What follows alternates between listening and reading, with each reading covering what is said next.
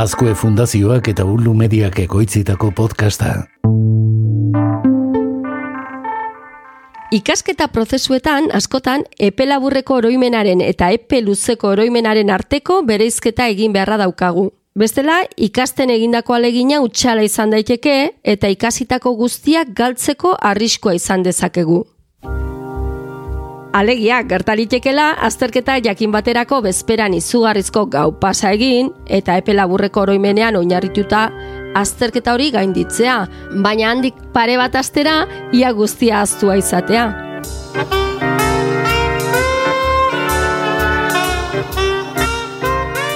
Paradoxe handi bat eta ikasketa prozesuaren porrot handiago bat. Azterketa gainditu, bai, baina benetan bizitzarako baliagarri izan dakiguken zipitzik ikasi ez izana. Ta ikusi ez neonezko argirik Ameriketa... Nahi baino gehiagotan gertatzen den egoera hau ekiditeko zer egin dezakegu, ze tresna erabilditzakegu. Marili, marili, la rosa eta klabeli, ximeldu dairo roimena. Kaixo, maite goni naiz eta hau amar minututan da. Pedagogia eta teknologia, teknopedagogia uztartzen dituen podcasta.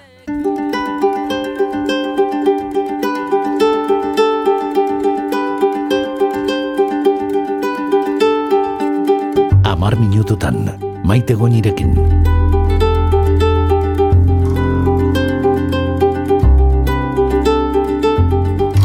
Kaixo podcast entzule, ongi etorri amar minututan saio berri honetara. Eta kaixo, oier, zer moduz? Kaixo, maite, mentxe, ondo, ondo esan beharko. Baina egila esan, e, pentsatzen nahi nintzen, eta agian ni naiz, gaizki hori ditzen deda, baina e, sarreran pixka bat ilun jarri duzu kontua, eta aurreko saioan ere, memoria hitz egiten ere ditu ginen, ezta? bai, bai, bai, bai, bai, horrela da, e, ondo oroitzen duzu, bueno, bai, bueno, bai, bai. Bueno, lasaiago behatzen naiz.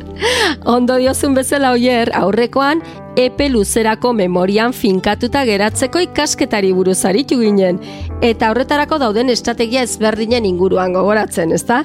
Eta batez ere, haietako batean zentratu ginen. Izena gogoratzen, oier? Mm, berreskuratze albardatua edo zerbait? Berreskuratze praktika. Mesedez. Hori da, e, retrieval practice inglesez edo berreskuratze praktika. Bueno. Oso ondo, hier, bi pustarri, bueno, bi pustarri, erdie, erdia mango dizut. bueno, te, telebistako lehiaketan jurtzen ari dago, eh? bai, bai, ezabiltza oso urruti.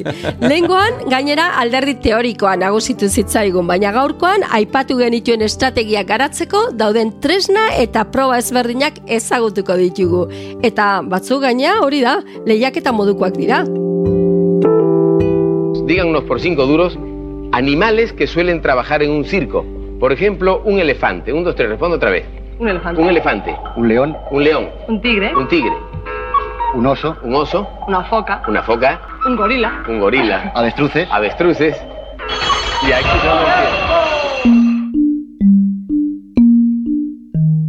Az gaitezen lehenengoarekin. Carousel Learning. Carousel Learning.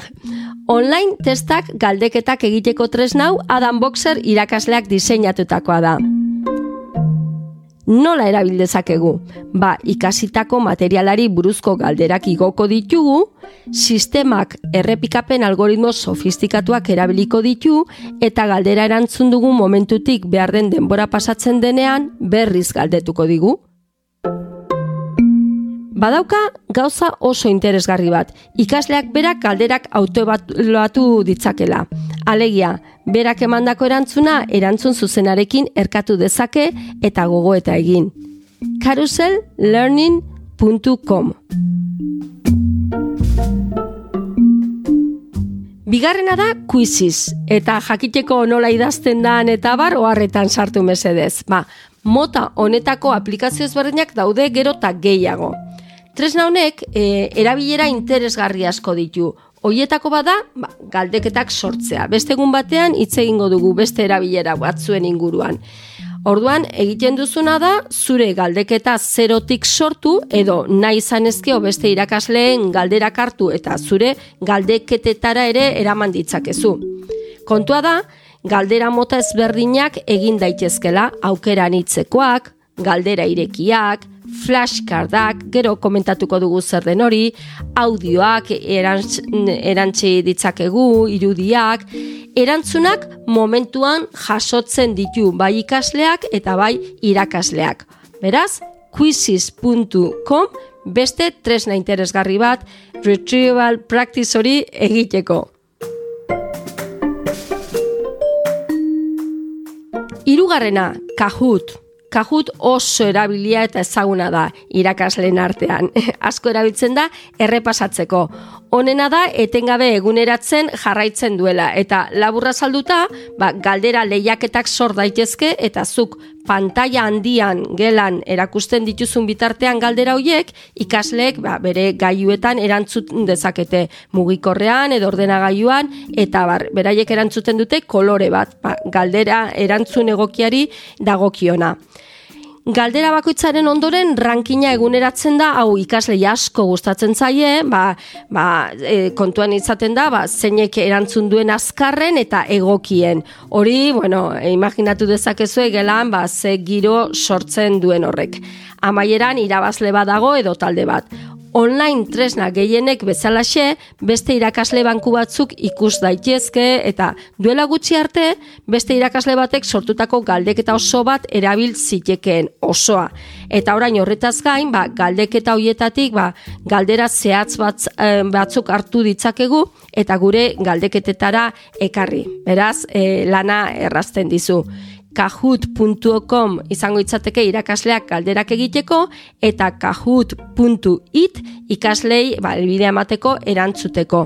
Baina, baina, gogoratu, dena den, ba, ikasleek ba, azkar erantzuteko batzuetan edo zer gauza erantzuten dutela.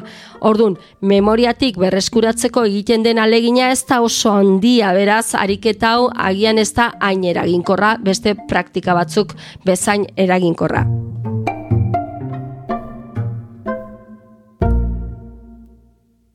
Beste estrategia interesgarri bat da flashcard e, delakoak edo direlakoak edo txartelak erabiltzea. Hau da, zuk txartelaren alde batean e, ipintzea galdera bat edo hitz bat eta beste aldean ifrentzuan ba, definizioa edo azalpena eta bar. Hau paperean egin liteke noski, baina badaude tresnak digitalki egiteko. Adiberat izan liteke ba hori, ornodunak eta gero beste aldean ba, azalpen guztia ipintzen duzu. Zein izan liteke tresna egoki bat hau egiteko? Quizlet adibidez.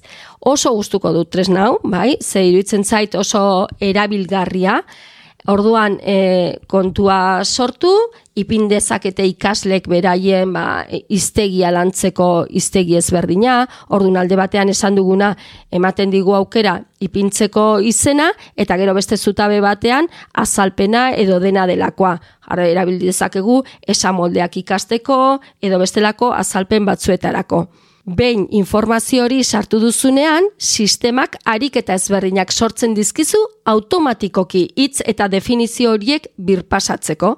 Orduan batzuak dira utxuneak betetzea, beste batzuetan zuk idatzi behar duzu, beste batzuetan lotu, baina zuk ezertxore egin gabe. Sistemak egiten dizu automatikoki bakarrik hasierako informazioa beteta. Joño maite, ez nuen oroitzen e, azterketarako ikastea hain divertigarria zenik. Jakinez geho, oaindik ikasle bizitzan jarraituko nuke. Bueno, badakizu, ikastea bizitza guztirako zeregina dela esaten da, oier. Beraz, deno gara ikasle neurri batean edo bestean, nibintzat, e, saiatzen naiz egunero egunero zerbait ikasten. Arrazoi duzu, e, arrazoi emango dizut horretan. Gainera, zesan nahi duzu, oier gure podcastaren bitartez etzera ala ai ikasten edo zer. Aizu, eh, nik hasiera hasieratik esan dizut, eh, podcast honen bitartez, bai. Pila bat ikasi dudala. Ikastea esateko kontu serioa da, baina horrek ez du esan nahi divertigarria izan behar ez duenik. Ez noski, gainera aurkezten ari zaren tresnekin, dagoeneko inorkeztu ez ikasteko aitzakiarik. Hori da, baitxaron, itxaron, ze gehiago ditut. Azkenak labur-labur esateko, ba, adibidez, itzapasa bat sortu dezakegu, ikasle asko gustatzen zaie mota honetako errepasoa ez, ba, A, B, C eta horrekin le, letra hoiei lotutako definizioak ematea. Ba, bueno, beste modu bat izan liteke, landu duzun inguruan, atik zetara hitzak eta definizioak ipini behar dituzu, eta ikasleak itzapasa hori egin dezakete. Gainera, asko zere aberatsagoa izango itzateke ikaslek beraiek sortzea itzapasak eta horrela, ba, imaginatu, hogei balin bagaude gelan, hogei itzapasa sortzen dituzte beraiek bakoitzarena errepasatzeko eta bestek ere erabil ditzakete aldi berean.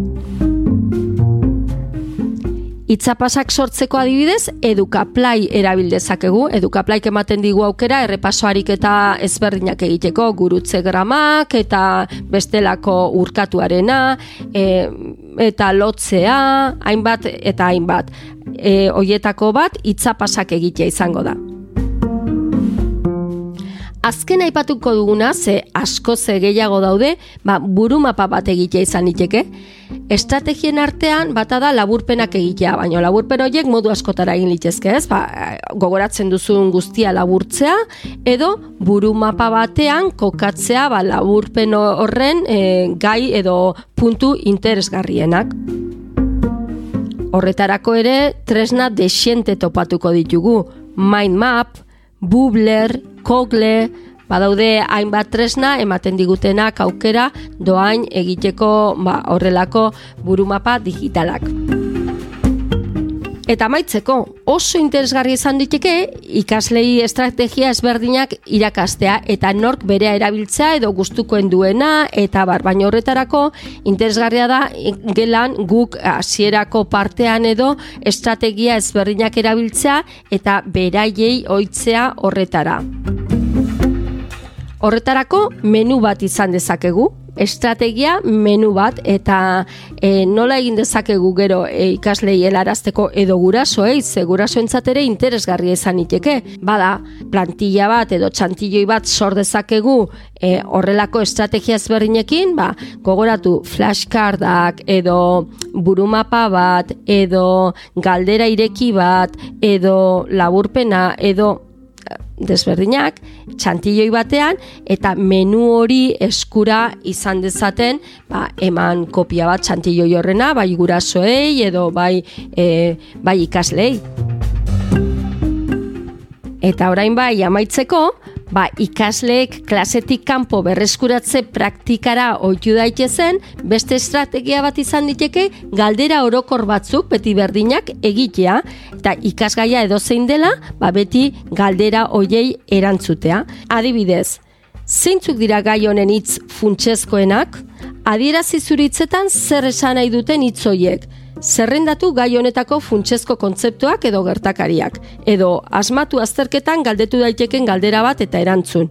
Hoiek izan litezke edo zein gai errepasatzeko baliagarriak izan litezken galderak. Gogoratu, alegina zenbat eta handiagoa izan orduan eta gehiago ikasiko dugu. Beraz, hasierara itzuliz, gogoratze librea oso eraginkorra da eta praktika hauek ikasleen errutinan sarrarazteko ezinbestekoa da eskolan egitea. Egunero minutu batzuk besterik ez bada ere.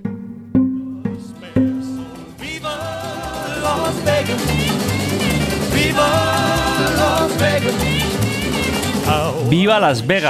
enne, hau kasino bat bihurtu dugu, eh, maite? bai, bai. Las Vegasen sartu gara, baina gogoratu jokua ez dela errenta, maite. Hori da, noski. Baina gurea ez da joko, oier, gurea jolasa da. Bai, ala jaina, ondo pasatu gainera, eta oso divertigarria izan da, saio honetan ikastea. Bueno, esan dizu lehen ere, divertigarria ez dakit, baina ikasketak eraginkorra izan behar du, hori bai, eta ez alperrikako lan astun bat. Hori da helburua, ikasten duguna ez aztea. Bai, bestela ze negozioa. Hori da. Eta helburu horretarako proba berezi eta jostariak erabiltzen baditugu, ba, hobeto, Begira, oier, zu musikaria ere bazara eta lehen adibidez, lehengo eskoletan musika bitartez egiten zen hori askotan. Ez duzu gogoratzen geografia ikasteko adibidez? Bai, gogoratzen dut oso ondo, gogoratzen dut. E, bat bider bi, bi, bi bider bi. Hori. Bai, Horrela. Iru bider, iru bederatzi. Bueno, maite, Hola, zan, ez? bezarkada bat eta urrengo zaior arte. Bai, urrengo saior arte, oier, agur.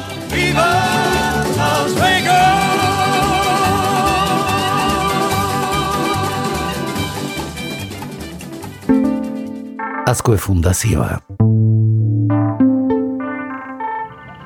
Ei, txt, entzun hori. Ulu media.